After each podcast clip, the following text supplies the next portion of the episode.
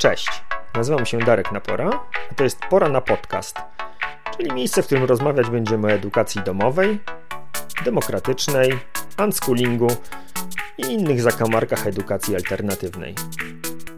W pierwszym odcinku drugiego sezonu Pora na Podcast zapraszam na rozmowę ze współwłaścicielką Demokratycznej Szkoły Językowej The Elementary, organizatorką obozów demokratycznych, mamą dwójki unschoolingowych dzieci oraz moją żoną Magdaleną Napora. Podczas rozmowy opowiemy o całkowicie nienaukowych, subiektywnych, wręcz anegdotycznych wnioskach, które wyciągnęliśmy dla siebie z dotychczasowych doświadczeń z edukacją i które sprawiają, że nasza rodzina wygląda tak, jak wygląda. Zapraszam.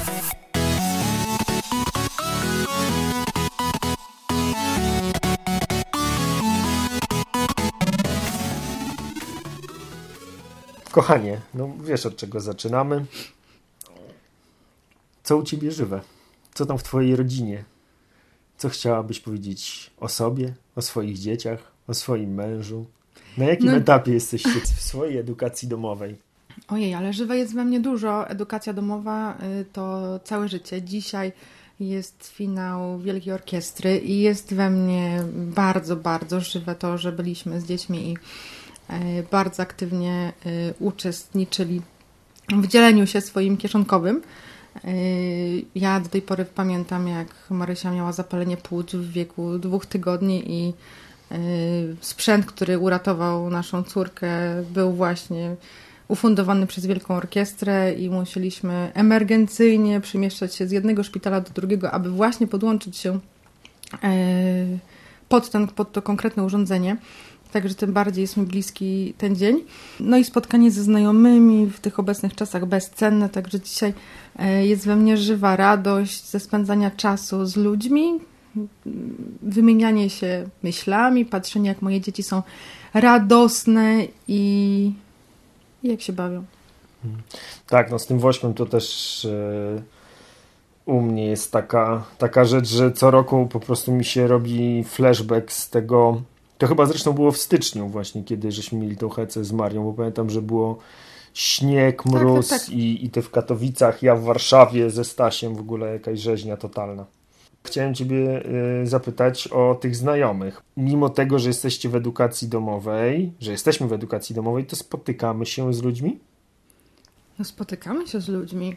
I to spotykanie się, słuchajcie, zależy tylko i wyłącznie od nas i od tych ludzi. Y, jeżeli chcą się z nami spotykać, to się z nimi spotykamy. Dziękuję bardzo za ten dzisiejszy wieczór tym właśnie ludziom. Mam nadzieję, że tego słuchacie. I również jeżeli ja mam ochotę wyjść do ludzi, no to wtedy, wtedy wychodzimy. Ale też mamy czas dla siebie i taką przestrzeń, kiedy właśnie no, ta socjalizacja zależy od nas, ale to niezależnie, czy jesteś w edukacji domowej, czy nie. To przecież e, to jest Twój wybór. E, o, no tak, tak, to się takie wydaje oczywiste teraz, ale dla mnie na przykład zupełnie nieoczywiste i stosunkowo bolesne było to, że jednak edukacja domowa i ten nasz wybór e, spowodował to, być może nie tylko to, ale mam wrażenie, że był to ważny element, że z niektórymi osobami z naszego otoczenia jednak się nam bardzo, bardzo rozluźniły e, relacje, żeby nie powiedzieć, że przestały istnieć. No, Darek, ale ja myślę, że to jest ze względu na jakiś, no tak, na styl życia, na pewne poglądy, a mm, z jednymi osobami się to rozluźnia, z drugimi się zacieśnia i tak naprawdę mm, taka historia się powtarza w czasie, modyfikuje. Dzisiaj spotykamy się częściej z Kowalskimi, jutro będziemy się spotykać częściej z Iksińskimi i tutaj to nie są, wiesz, związki, relacje, w których ktoś, ktoś się na kogoś obraża, tylko jest to taki, mm, taki naturalny flow, myślę. Mm, wydaje mi się to bardzo oczywiste i no, nie wiem, co tu jeszcze mogę powiedzieć. Dobra, ale no ja zmierzam tylko do tego, że to, to jest taka rzecz, której trochę się nie spodziewałem, yy, kiedy żeśmy zaczynali z edukacją domową. Nie sądziłem, że to aż tak bardzo wpłynie na nasze otoczenie, w sensie na nasze znajomości, naszych znajomych i no i wydaje mi się po prostu ciekawym tematem. Ja się z Tobą nie zgodzę. Ja myślę, że. Po to jesteś. Cały czas, słuchajcie. Y, ja myślę, że na to, czy znajomości są y, bliższe, czy dalsze, czy się z kimś częściej widzimy Darek, czy nie, to zależy od tego, co się dzieje w robocie, od tego, co się dzieje w życiu osobistym, też od tego, na co mają mamy, mamy my i, i nasi znajomi w danym momencie ochotę. I to wszystko właśnie układa się w takie okresy czasu, w których raz z jednym mamy więcej kontaktu, raz mniej. I i teraz akurat jest taki trudny okres y, dla, dla wielu osób z mm, mojego otoczenia. Y, jest to moment, w którym chcą być razem, w którym w jakiś sposób walczą z różnymi trudnościami i może mm, nie każde odwiedziny, nie każde towarzystwo jest wtedy dla nich takie relaksujące. No, okej, okay, ale jak mówisz, że nie jest dla nich relaksujące, albo dla nas relaksujące, to dlaczego? No, no bo wiesz, no kurczę, jak się spotykasz y, z jakimiś osobami, no to może być dużo różnych przyczyn, dla których się spotykasz. Relaks, wypoczynek, bliskość, whatever, tysiąc różnych potrzeb może to realizować, y, ale no, coś z tego czerpiesz zazwyczaj dla siebie. Jak nie czerpiesz, i, a szczególnie obie strony nie czerpią, no to, to nie ma sensu kontynuować takiej znajomości. To, to już rzeczywiście jest naturalne, czy naturalny, czy, czy, czy racjonalny wybór. Ale, ale dlaczego? Bo to wiesz, że tak jest, to łatwo powiedzieć, tylko dlaczego? Dobrze, czy masz tak, że jak spotykasz się ze znajomymi, to rozmawiasz o edukacji, o dzieciach? Czasem tak, ostatnio mnie katują to strasznie. Teraz rekrutacja się zbliża na, do pierwszych klas i... Bardzo często, kiedy ja się spotykam z różnymi osobami, bliższymi, dalszymi znajomymi, to bardzo często pytają się mnie o angielski, o edukację. Mało mówią o sobie, pewnie też czuję czasem tak, że może się trochę krępują, że nie spełniają jakichś standardów, które w ich wyobrażeniu ja narzucam swoim stylem życia. I to, i to jest taką barierą, myślę, że y, być może to jest coś, co ja, czego ja nie potrafię zrobić, zachęcić do tego, żeby być tym, kim oni są i żeby się nie przejmowali tak, jak są z nami, jak są w moim towarzystwie bo to, że ja wybrałam opcję edukacji domowej, to, że robimy obozy demokratyczne i mamy takie, a nie inne poczucie humoru, no to nie znaczy, że coś innego jest mi obce i nietolerowane. Więc, więc jednak czuję, że to, że prowadzisz podcasty, to, że tak dużo mm, jednak działamy właśnie w tym świecie edukacji i komunikacji, może blokować niektórych. No dobra, no to teraz właśnie przeszliśmy do, y, do meritum, bo, bo ja mam właśnie takie wrażenie, że, że to jest trochę tak, że w momencie, kiedy decydujesz się na, tą edukację domową, to pojawiają się wokół ciebie ludzie, którzy odbierają ten wybór jako coś potencjalnie niebezpiecznego czy zgubnego. No, po prostu czy coś, co się kłóci fundamentalnie z ich podejściem do mm, tego, co jest wartościowe, co ma sens, co jest logiczne, co jest bezpieczne. No, mówimy o dzieciach, tak? Więc każdy ma takie instynktowne poczucie, żeby o te dzieci dbać, nawet jeśli to nie są jego własne dzieci, to jak widzisz, że jacyś rodzice krzywdzą swoje dziecko, to masz ochotę mu pomóc. Więc ja mam taką tezę, że być może część z tych osób, które się pojawiają, e, czy pojawiały kiedyś e, w, w, naszym otoczeniu, może decydować się, żeby nie być w tym naszym otoczeniu, e, właśnie dlatego, że, że po prostu fundamentalnie się nie zgadzają z tym, co robimy. No, może tak być, to musiałbyś zapytać się tych osób, jeżeli czujesz, bo być może też to jest tak, że to jest Twoje odczucie, że ktoś nie jest z tobą tak często, jak ty byś tego oczekiwał i, i ty sam nakręcasz sobie ten film. E, więc e, doradzam zapytać.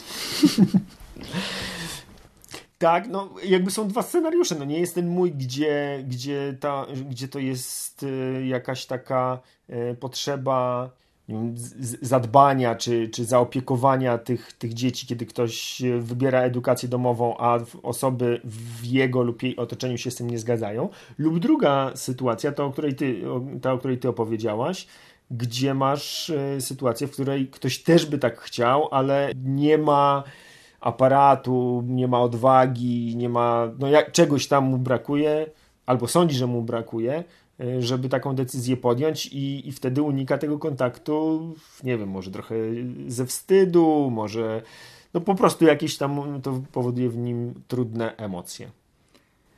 Myślę, że tak, dobrze podsumowałeś to, co powiedzieliśmy, ale też być może jest takie uczucie, które mamy właśnie, kiedy ścierają się jakieś dwa poglądy i które powoduje, że tak właśnie pojawia się taka niepewność w, w relacjach, bo też mm, przykładem mm, szczepionki antyszczepionkowcy, no nie wybieramy sobie znajomych, którzy się szczepią bądź którzy się nie szczepią i niezależnie od tego, y, z której grupy są, no to, mm, to nie ma w ogóle znaczenia w momencie, kiedy się spotykamy i lubimy razem spędzać czas. Więc to takie wiesz, y, jesteś w edukacji domowej, no to co, to nie spotkam się z tobą, bo, bo nie wiem, bo dziecko twoje nie będzie wiedziało, ile jest 2 plus 2. No, może są jakieś wyobrażenia tych ludzi o czymś, że są brak wiedzy, tak, że, że rzeczywiście mają jakieś obawy, może też myślą sobie właśnie, że mm, że my robimy szkodę naszym dzieciom. No właśnie o tym mówię, no, że to jest doskonałe porównanie z tymi szczepionkami, no nie? Że, że ta edukacja domowa to przez niektórych może być odbierane jak tacy antyszczepionkowcy.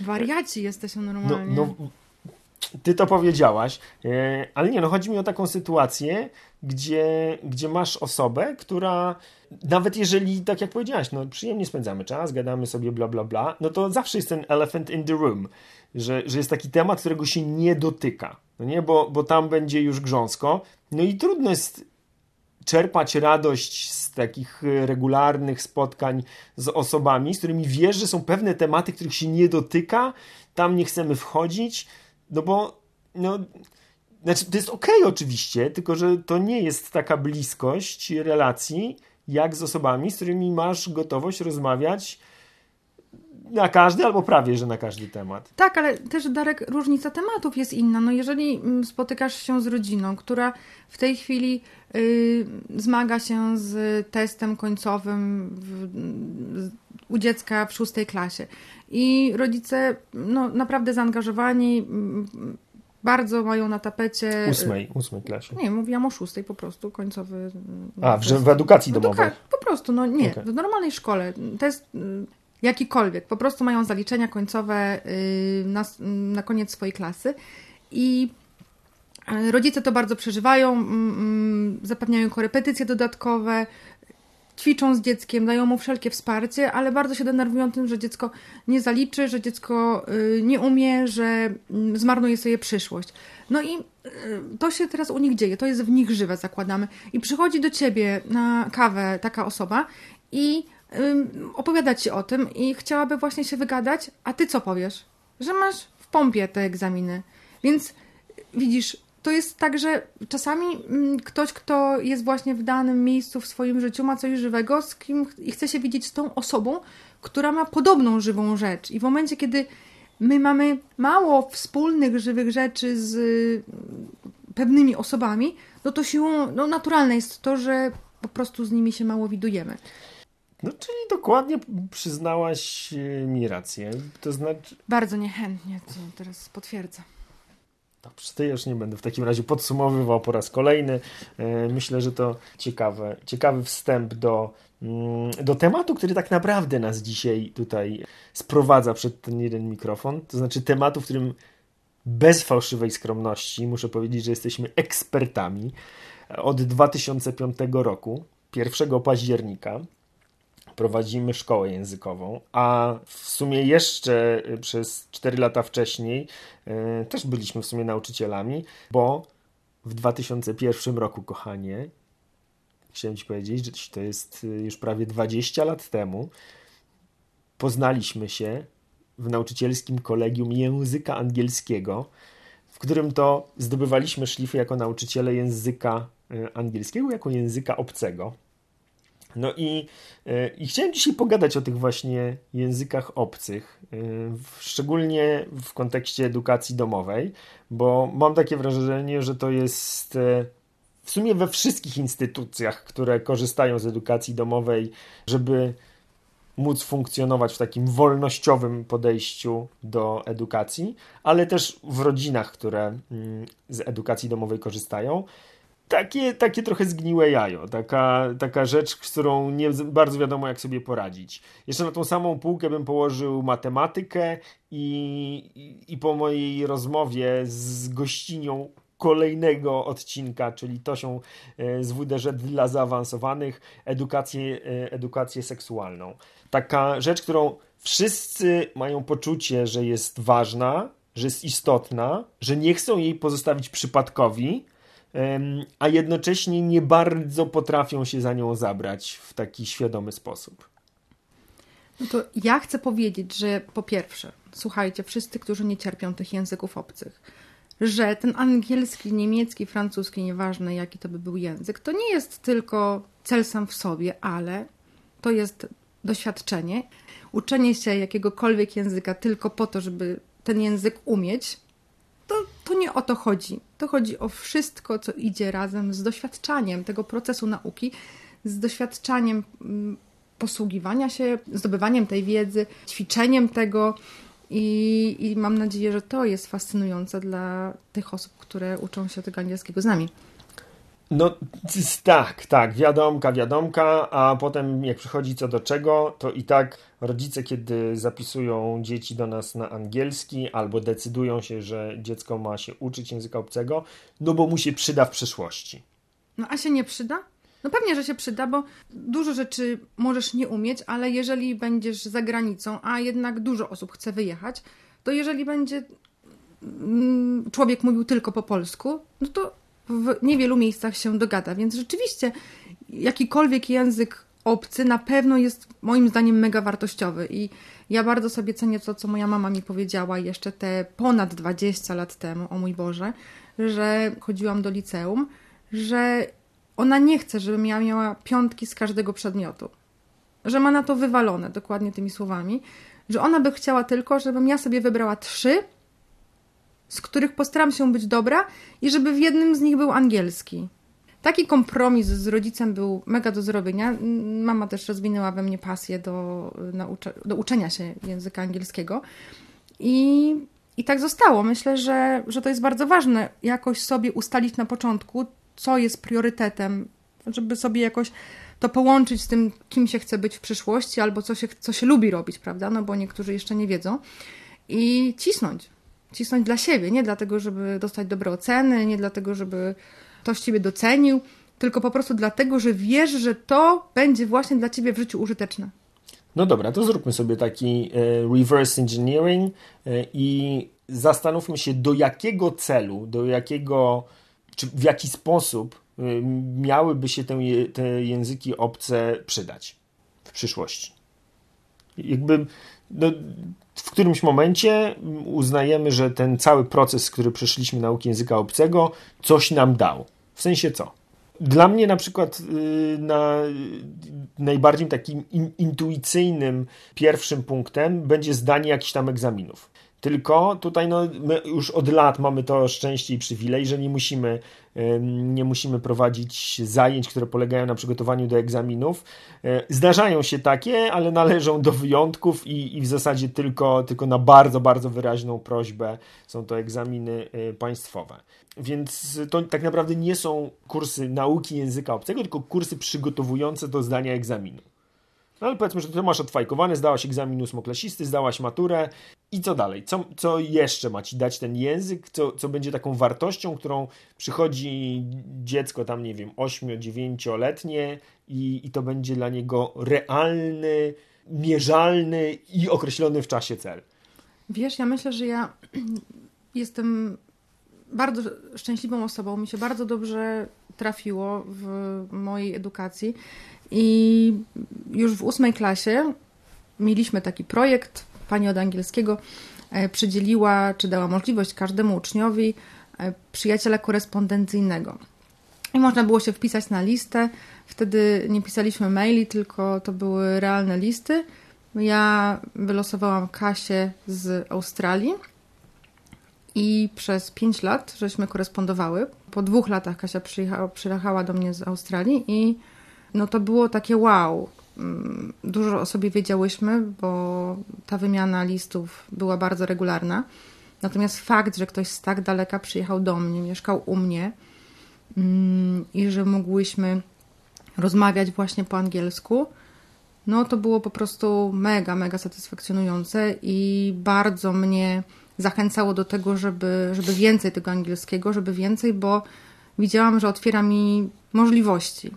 Także to był taki pierwszy kontakt. No ale wiesz, to jest takie trochę myślenie dwudziestowieczne, bo teraz jak chcesz korespondować z kimś, no to cóż za kłopot wziąć i wrzucić tekst po polsku do tłumacza i skopiować to do Messengera i już możesz sobie e, korespondować. No tak, no ale no ja potem miałam autentycznego ludzia w domu. No przyjechała do mnie koleżanka i rozmawiałyśmy. Gdybym wkładała to do translatora, to dupa blada, no nic bez tego nie było.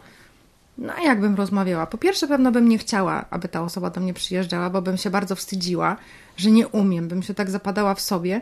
A to, że ja umiałam ten angielski, dawało mi taką moc. Wiesz, że ja czułam, że ja bardzo chcę z nią porozmawiać, że, że ja umiem, że ona mnie rozumie. To było bardzo satysfakcjonujące, że ja, wiesz, no, to nie była one-way communication, tylko ja widziałam, że to, co ja sobie umyśliłam, zostało zrozumiane i, i jest też interesujące, że ktoś reaguje na to.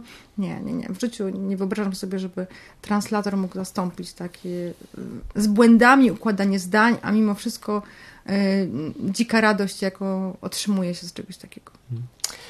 Ja oczywiście y, teraz jestem trochę adwokatem diabła, aczkolwiek ja potrafię sobie wyobrazić taką sytuację, gdzie rzeczywiście technologia i jakieś takie kompatybilne z organizmem urządzenie będzie w stanie tłumaczyć na żywo y, to, co się dzieje w komunikacji. Nie wiem, jakieś Dobrze. słuchaweczki z translatorem na bieżąco. Rzecz jasna, to nie będzie to samo, co y, komunikacja taka w pełnym wymiarze, e, prosto z mózgu do strun głosowych i, i do ucha odbiorcy, ale mimo wszystko. Darek, ja nie wiem, bo dzisiaj to taki jest naprawdę radosny dzień, no ale y, to tak jakbyśmy porównywali y, seks do wibratora. To tak samo jest z translatorem. No możemy to zastąpić urządzeniem. Nie jest, nie jest to to samo. Więc słuchajcie, no No dobrze, więc e, celem e, jest, może być to zdanie egzaminów, Interakcja. Ce, celem może być Interakcja interakcja z prawdziwym, e, z ludziem, prawdziwym tak. człowiekiem. No dobra, a jak sądzisz z, tą, z tym elementem pracowym? Czy tutaj też to będzie taka rzecz, że, że języki wciąż będą jakimś tam ważnym elementem i, i ta technologia nie będzie wystarczająco sprawna, żeby ten poziom niedoskonały, niewystarczająco głęboki, żeby nawiązać przyjaźń czy miłość, ale no, do relacji biznesowych zupełnie, w zupełności wystarczający. No, pamiętasz pewnie kilkanaście lat temu, że instrukcje no, to była taka naprawdę polszczyzna czy angielszczyzna najwyższej jakości. No teraz kupujesz coś z Chin, to przychodzi do ciebie przetłumaczone no w taki sposób, że tam naprawdę trze trzeba włożyć to sporo wysiłku, żeby skumać w ogóle o co tam chodzi. No i za, za, jakoś zakomplowaliśmy się z tym, przyzwyczailiśmy się do tego, że te instrukcje są byle jak przetłumaczone. Wiesz co, ja na to patrzę tak, że to, co ja umiem, to składa się na, kszta- na mojej osoby. I dla mnie to, że ja jestem w stanie posługiwać się językiem angielskim, to mi daje pewność siebie, to daje mi mm, specyficzne poczucie humoru w pewnych sytuacjach, e, to daje mi taki komfort, czuję się wtedy zrelaksowana. To daje mi możliwość pracy y, z uczniami, ponieważ chcę te swoje umiejętności przekazywać innym. I gdybym bazowała na urządzeniu, to nie byłabym tym człowiekiem, którym jestem teraz, wiesz? Uważam, że te umiejętności to po prostu taki puzzle i ja się z tych kawałków puzli składam. Więc nie uważam, że każdy powinien znać język obcy. Natomiast jeżeli mm, każda dana osoba, jeżeli masz wyobrażenie o tym, kim chcesz być, mm, założenia, no to właśnie sobie budujesz siebie z, z takich puzli i dla jednych to będzie matematyka, dla drugich to będzie historia. No dla mnie jest to dużo, dużo tego angielskiego, dużo, dużo e, pedagogiki i to, i to jestem ja, Magda. No dobra, a jakbyś nie miała tego puzelka, to byłabyś niepełna, czy tylko inna? No jeżeli moim celem było, a było mm, od czasu, jak rozpoczęłam studia, mm, uczyć języka angielskiego i rozwijać się w tym kierunku, tak, to to bym nie była ja po prostu, to to bym była niepełna, ale myślę, że mm, człowiek sam dochodzi do takiej analizy i, i wie właśnie w pewnym momencie z pomocą dobrych osób, jakie te puzzle chce sobie poukładać, żeby być tym, tym pełnym sobą, radosnym człowiekiem, bo e, też mam taką obserwację, że wydaje mi się, że jeżeli ktoś ma marzenia o tym, jak siebie właśnie poskładać z tych puzli, ale brak mu odwagi, brak mu wsparcia i, i nie próbuje się tak poskładać, no to właśnie może trochę jest niezadowolony z tego i, i tak błądzi, ale, ale jest nieśmiały i, i nie potrafi tego osiągnąć. Natomiast gdyby tak spróbować powalczyć o poskładanie tych puzli, to wtedy myślę, że jest duże prawdopodobieństwo, że się będzie takim zadowolonym z życia, z siebie. Tak, to zadowolenie to jest rzecz, która y, dla mnie jest zawsze dobrym powodem żeby się właśnie uczyć tych języków obcych, bo ja sobie myślę, że nawet jeśli powstanie taka technologia, która umożliwi tę komunikację między językami bez znajomości tych języków, to zawsze będzie tak, że znajdzie się grono osób, i to myślę, że może być dość liczne grono osób, dla których to jest po prostu czysta przyjemność uczenie się tego języka. I tak jak teraz e, niewiele osób e, pisze odręcznie listy, czy, czy pisze kartki pocztowe, czy, czy no już z całą pewnością nie pisze dokumentów odręcznie, to wciąż są osoby, entuzjaści, którzy z dziką radością, przyjemnością i ze względu na taką estetykę e, zjawiska uczą się kaligrafii. I jest cała masa w ogóle gigantyczny hype i narzędzia takie bardzo tradycyjne do, e, do tej kaligrafii. I, I nawet gdyby się tak stało, że, że języki obce nie będą kiedyś tam w przyszłości potrzebne, to, to wciąż będzie wielkie grono osób, które, dla których to po prostu będzie przyjemność. Zgadzam się z Tobą. Mhm. No dobra. Ale nie dla wszystkich jest teraz. I. Że co? No, nie dla wszystkich, bo niektórzy się uczą, bo muszą. Na Ojej, przykład. no. Na przykład, to jest bardzo kontrowersyjna dla mnie kwestia, aczkolwiek to nie jest tak, że ja potępiam, po prostu jest dla mnie kontrowersyjna ze względu na nasze własne doświadczenia, a mam tutaj na myśli dwujęzyczność zamierzoną, czy wielojęzyczność zamierzoną, czyli taką sytuację, gdzie e, mamy rodziców, którzy mówią zwykle w jakimś e, języku wspólnym, no ale niekoniecznie. Natomiast wybierają jakiś dodatkowy język, w którym się będą komunikować e, z dzieckiem. I to zazwyczaj nie jest ich pierwszy język, tylko po prostu decydują się w zamierzony sposób dziecko jakby zanurzyć w tym, w tym drugim języku. Tak jak my rozmawiamy ze sobą po polsku, natomiast e, w kontakcie z jednym z naszych dzieci, e, któreś z nas używałoby na przykład języka angielskiego. I e, jak ty się odnajdujesz e, z tą kwestią tej dwujęzyczności zamierzonej? Ale mnie tu podpuszczasz. No, mówisz do mnie tak, jakbyśmy się w ogóle nie znali i w ogóle. No więc. y, Ech. Mieliśmy niewypał z tą mm, dwujęzycznością zamierzoną. Jako młodzi rodzice przecież żeśmy stwierdzili, że no kurde, umiemy mówić po angielsku, to przecież nasze dzieci też będą mówić. Najpierw będą mówić po angielsku, a potem będą uczyć się robić siku do nocnika. Więc mm, zdecydowaliśmy się, żeby do Stasia mówić po angielsku. Nie, nie, nie ustalaliśmy żadnych zasad wtedy i efektem tego było, że zaczął się jąkać. Tą dwujęzyczność czy wielojęzyczność zamierzoną trzeba odpowiednio wprowadzić, odpowiednio się do tego przygotować. I myślę, że rzeczywiście, jeżeli są takie możliwości, czy że jeden rodzic jest y, obcokrajowcem, to Wiesz co, y, ja po pierwsze to y, chciałbym zaprotestować, bo ja wciąż nie mam takiego przekonania czy pewności o tym, że to wynikało, czy ten moment, kiedy Stasio zaczął się y, jąkać, wynikał z y, tej, tych kilku lat, bo to trwało y, prawie 4 lata. Mm, Czy to wynikało z tej, tej dwujęzyczności, którą myśmy próbowali wprowadzać? Natomiast no, na pewno powodowało to u nas bardzo duże napięcie. I, I ten moment, kiedy rzeczywiście y, Stasiek zaczął mieć problemy z płynnością wymowy, no był dla nas takim kubłem zimnej wody, gdzie myśmy się z tym, z tym zatrzymali i ja teraz nie wiem, czy to chodzi o umiejętnie, czy nieumiejętnie, czy świadomie, czy, nie, czy nieświadomie, żeśmy to, to robili. Y, natomiast na pewno to nie, to nie jest tak, że, że to jest y, łatwe rozwiązanie. Y, że, że to jest coś, co, co, co będzie zawsze dziecku sprawiało przyjemność, bo dla mnie tak naprawdę kluczowe było w tym to, że Stasik tego strasznie nie lubił że on po prostu zaczynał się wydzierać, ale przecież ty umiesz po polsku, mów do mnie po polsku. I, i, I dla mnie to było tak naprawdę kluczowe, że, że w sumie w, dlatego, że ja sobie wymyśliłem jakiś tam obraz, co się stanie z naszym dzieckiem, to, y, no to żeśmy cisnęli z czymś, co ewidentnie jemu nie pasowało, czego on nie chciał, co było wbrew jego, no nie wiem, preferencjom, ocenom.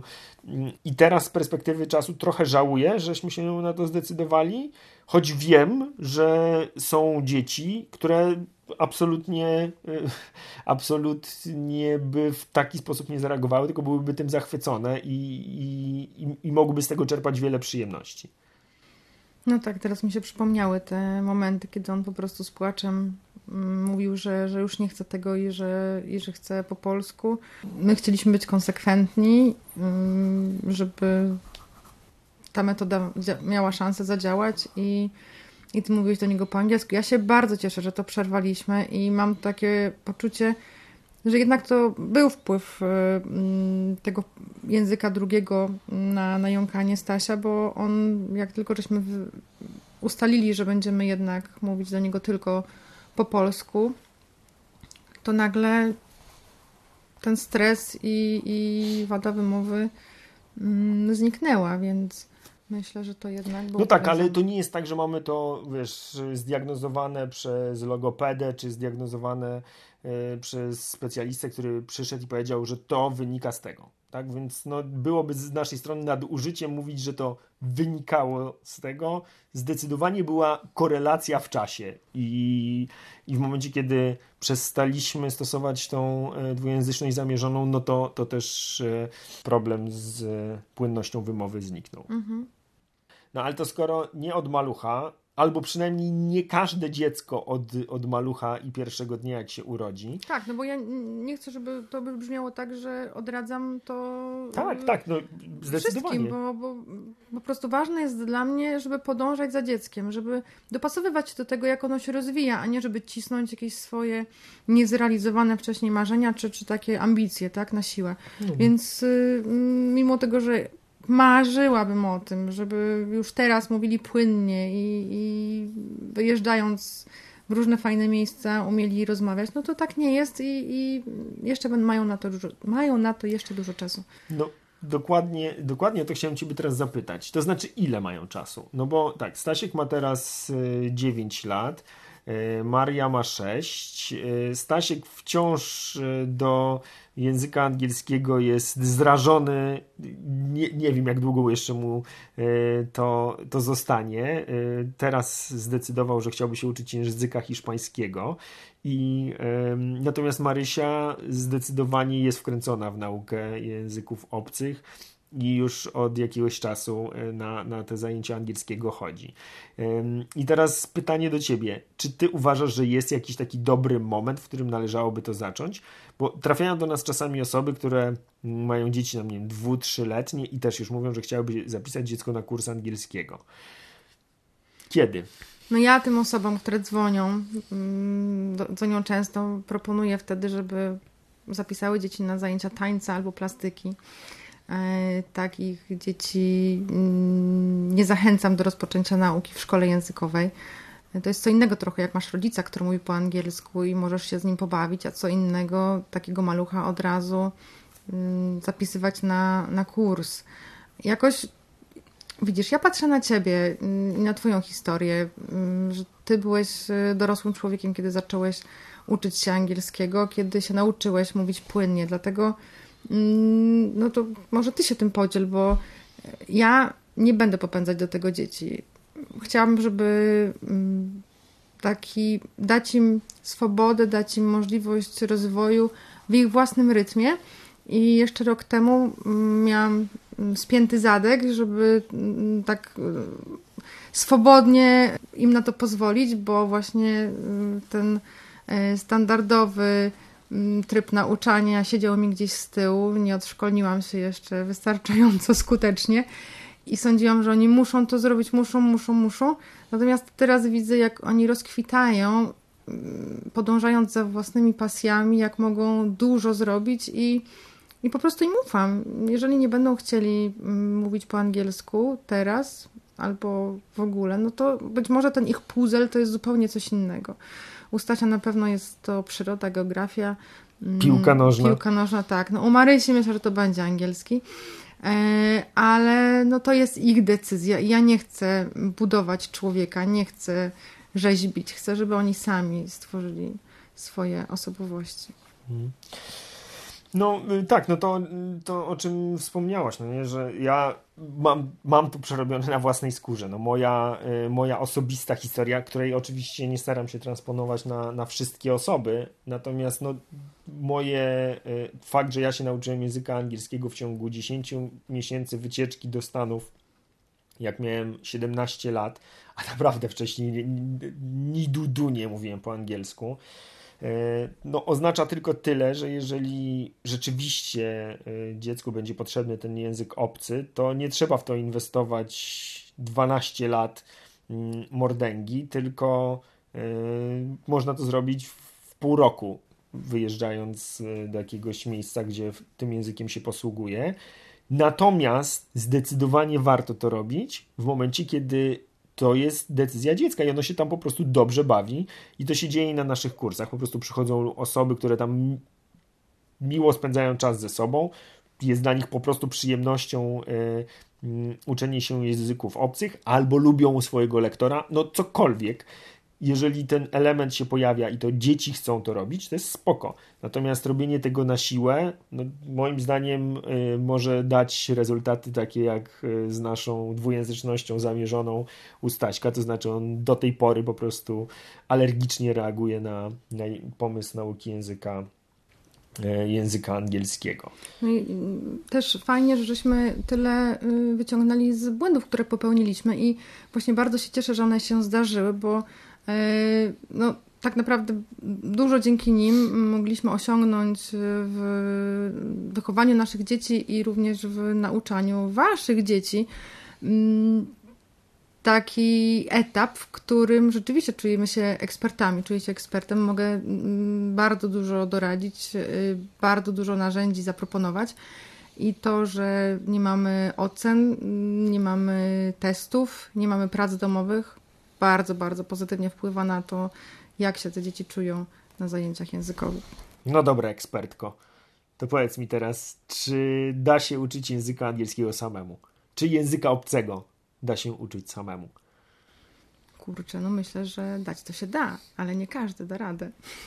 Ale że co, że w ogóle z nikim nie gadając, tylko tam, nie wiem, oglądając sobie filmiki na YouTubie i... Ale nie, co, co znaczy samemu? Samemu no to samemu, znaczy, że, że mogę sama włączyć sobie komputer i sama sobie wejść na czat i porozmawiać z kimś na czacie, ale ja o tym decyduję i to będzie albo zagrać z kimś w grę komputerową i się podłączyć i mówić z nim po angielsku właśnie podczas tej gry i to ja decyduję, kiedy rozmawiam z tą osobą, to tak, uważam, że da się tak nauczyć, mhm. ale to nie jest, to, to jest bardzo trudne i wydaje mi się, że bardzo mało osób ma takie zacięcie, żeby mm, nie boi się popełnienia tych błędów. Dużo ludzi potrzebuje przewodnika, który poprawi, który pokaże i da taką pewność siebie. Poczucie, że tak, tak, damy radę.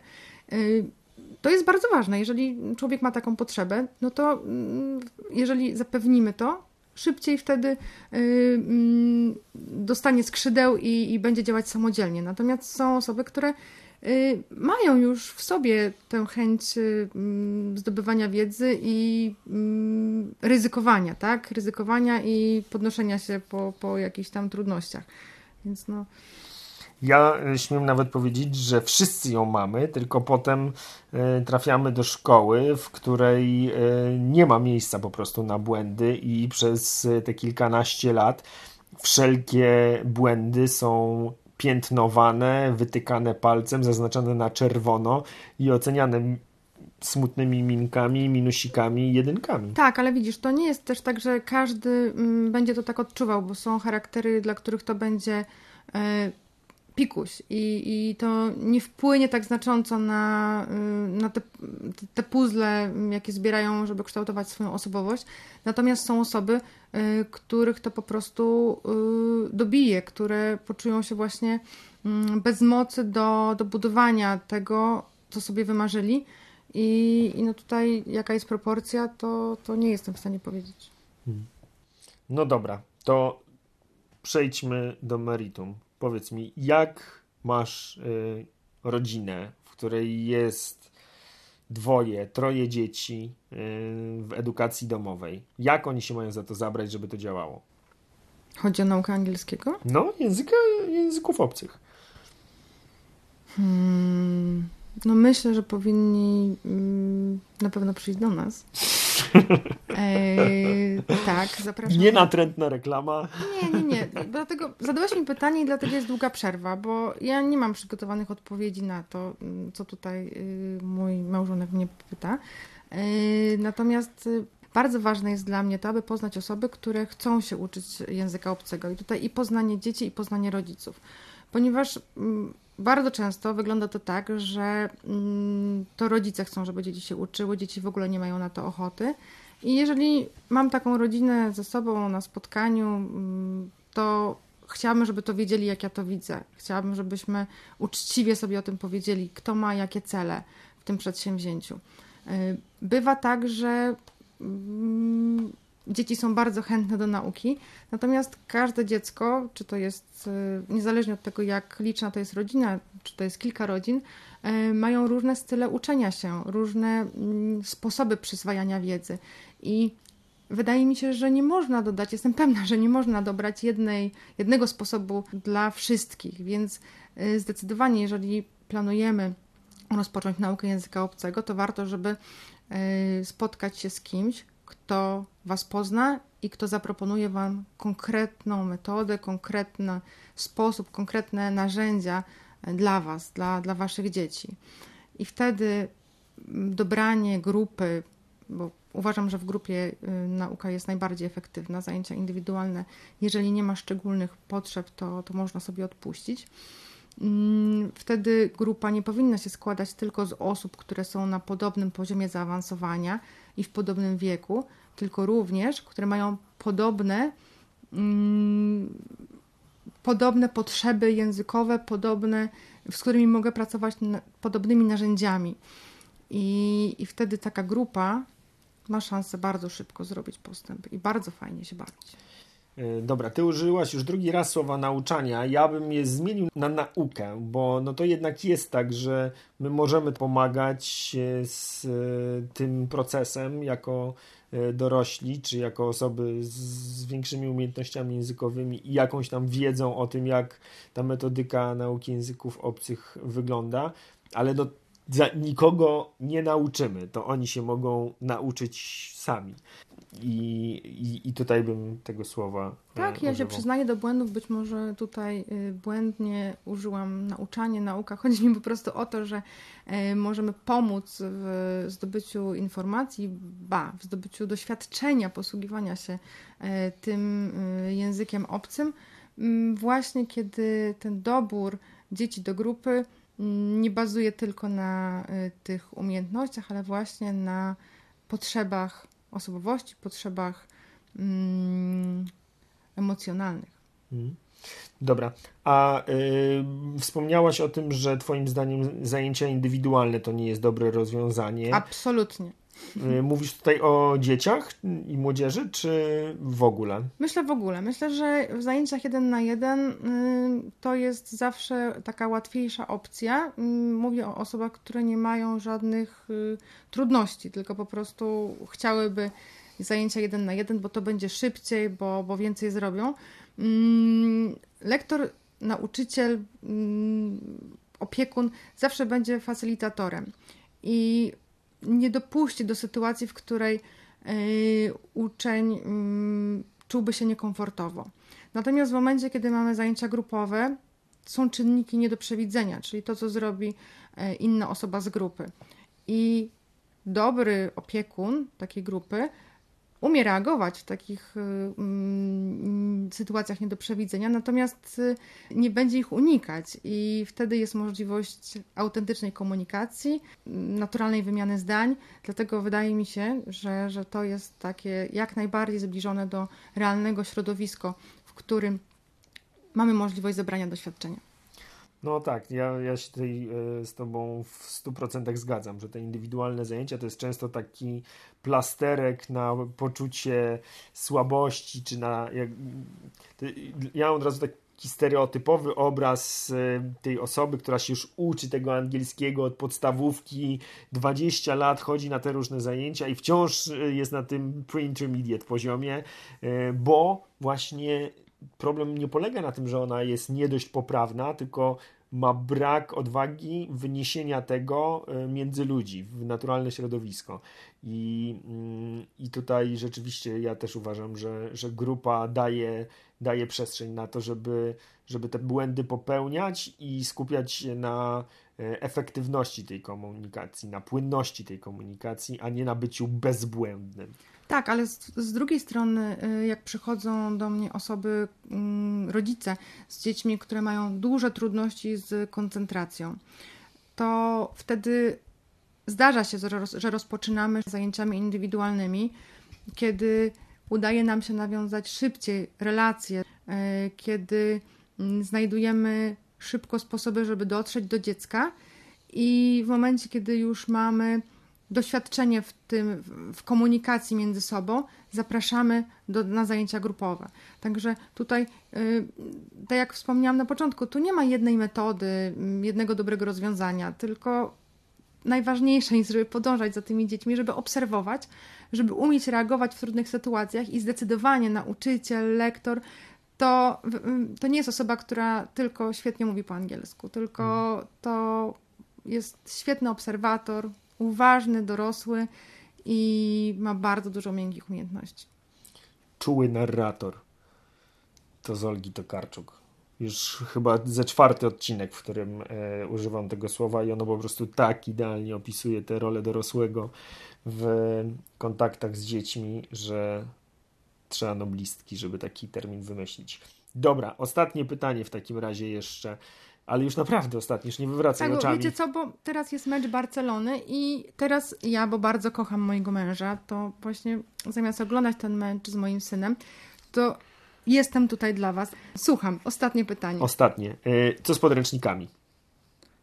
Używać, nie używać, e, mają sens, nie mają sensu, e, są sposobem na obserwowanie swoich własnych postępów i uporządkowanie pracy, czy zamykają, są nudne i e, sprowadzają naukę języka obcego do odtykiwania jakichś rzeczy w tabelce. To może tak, no to nie wiem, czy uważnie mnie słuchaliście, ale jeżeli podążamy za uczniem, jeżeli staramy się dopasować kurs i metody, to jakim cudem książka z e, księgarni może tutaj pasować w 100% do, do danego człowieka. Ja nie używam podręczników na swoich zajęciach. U nas w szkole w tym roku również nie ma książek. Myślę, że jest bardzo dużo rewelacyjnych publikacji, z których mogę czerpać, z których, które mnie inspirują. E, natomiast nie jestem w stanie na kursie zrealizować wszystkiego z jednej książki. Uważam to za pogwałcenie praw dziecka. Ja uwielbiam podręczniki, oczywiście, natomiast zgadzam się, zgadzam się z Magdą, że no, y, korzystanie z podręcznika wymaga zarówno od y, dziecka, jak i od y, nauczyciela czy lektora czy dorosłego, który po prostu pomaga w tej nauce języka obcego, jak i od rodziców, którzy płacą za te podręczniki, e, bardzo wiele mm, takiej elastyczności i, i zrozumienia, no bo to, co powiedziała Magda. To, to zawsze jest tak, że coś w tym podręczniku jest trochę mniej fajne, trochę mniej dopasowane do danej grupy. No i ważne jest to, żeby była osoba, która jest w stanie to ocenić i zdecydować, słuchajcie, nie, to omijamy, to w ogóle nam nie będzie służyło. E, a z drugiej strony, jeżeli znajdzie się jakiś temat, jakaś forma ćwiczeń, e, jakaś funkcja językowa, która super będzie działała w danej grupie, to, żeby za tym y, pójść głębiej, właśnie przygotowując jakieś materiały dodatkowe. Ja mam swoje ulubione podręczniki też, ale to jakby ktoś chciał się dowiedzieć, to proszę na priv. No, każdy nauczyciel ma ulubione y, podręczniki, a niektórzy jeszcze swoje ulubione materiały y, wrzucają na strony internetowe. Jakby ktoś chciał taką stronę internetową, to do mnie na priv. A u nas y, to dzieci mają swoich ulubionych lektorów. Wiadomka. Dobrze, bardzo Tobie dziękuję, Ponczulu. Leć na ten mecz do synka. Ciekawe, czy córeczka już umarła tam przy, przed tym y, komputerem. Córeczka jeszcze... walczy, walczy, żeby nie zasnąć. Dziękuję Wam bardzo i pewno się jeszcze usłyszymy. Dobranoc. Dzięki za wysłuchanie kolejnego odcinka Pora na podcast. Jeśli uważasz, że był wartościowy, cenny, ciekawy, to zachęcam Cię do udostępnienia go. Jeśli masz jakieś pytania, wątpliwości dotyczące edukacji domowej albo któregoś z tematów, który poruszaliśmy w odcinku, to zapraszam Cię do kontaktu. Mój adres znajdziesz w opisie tego odcinka.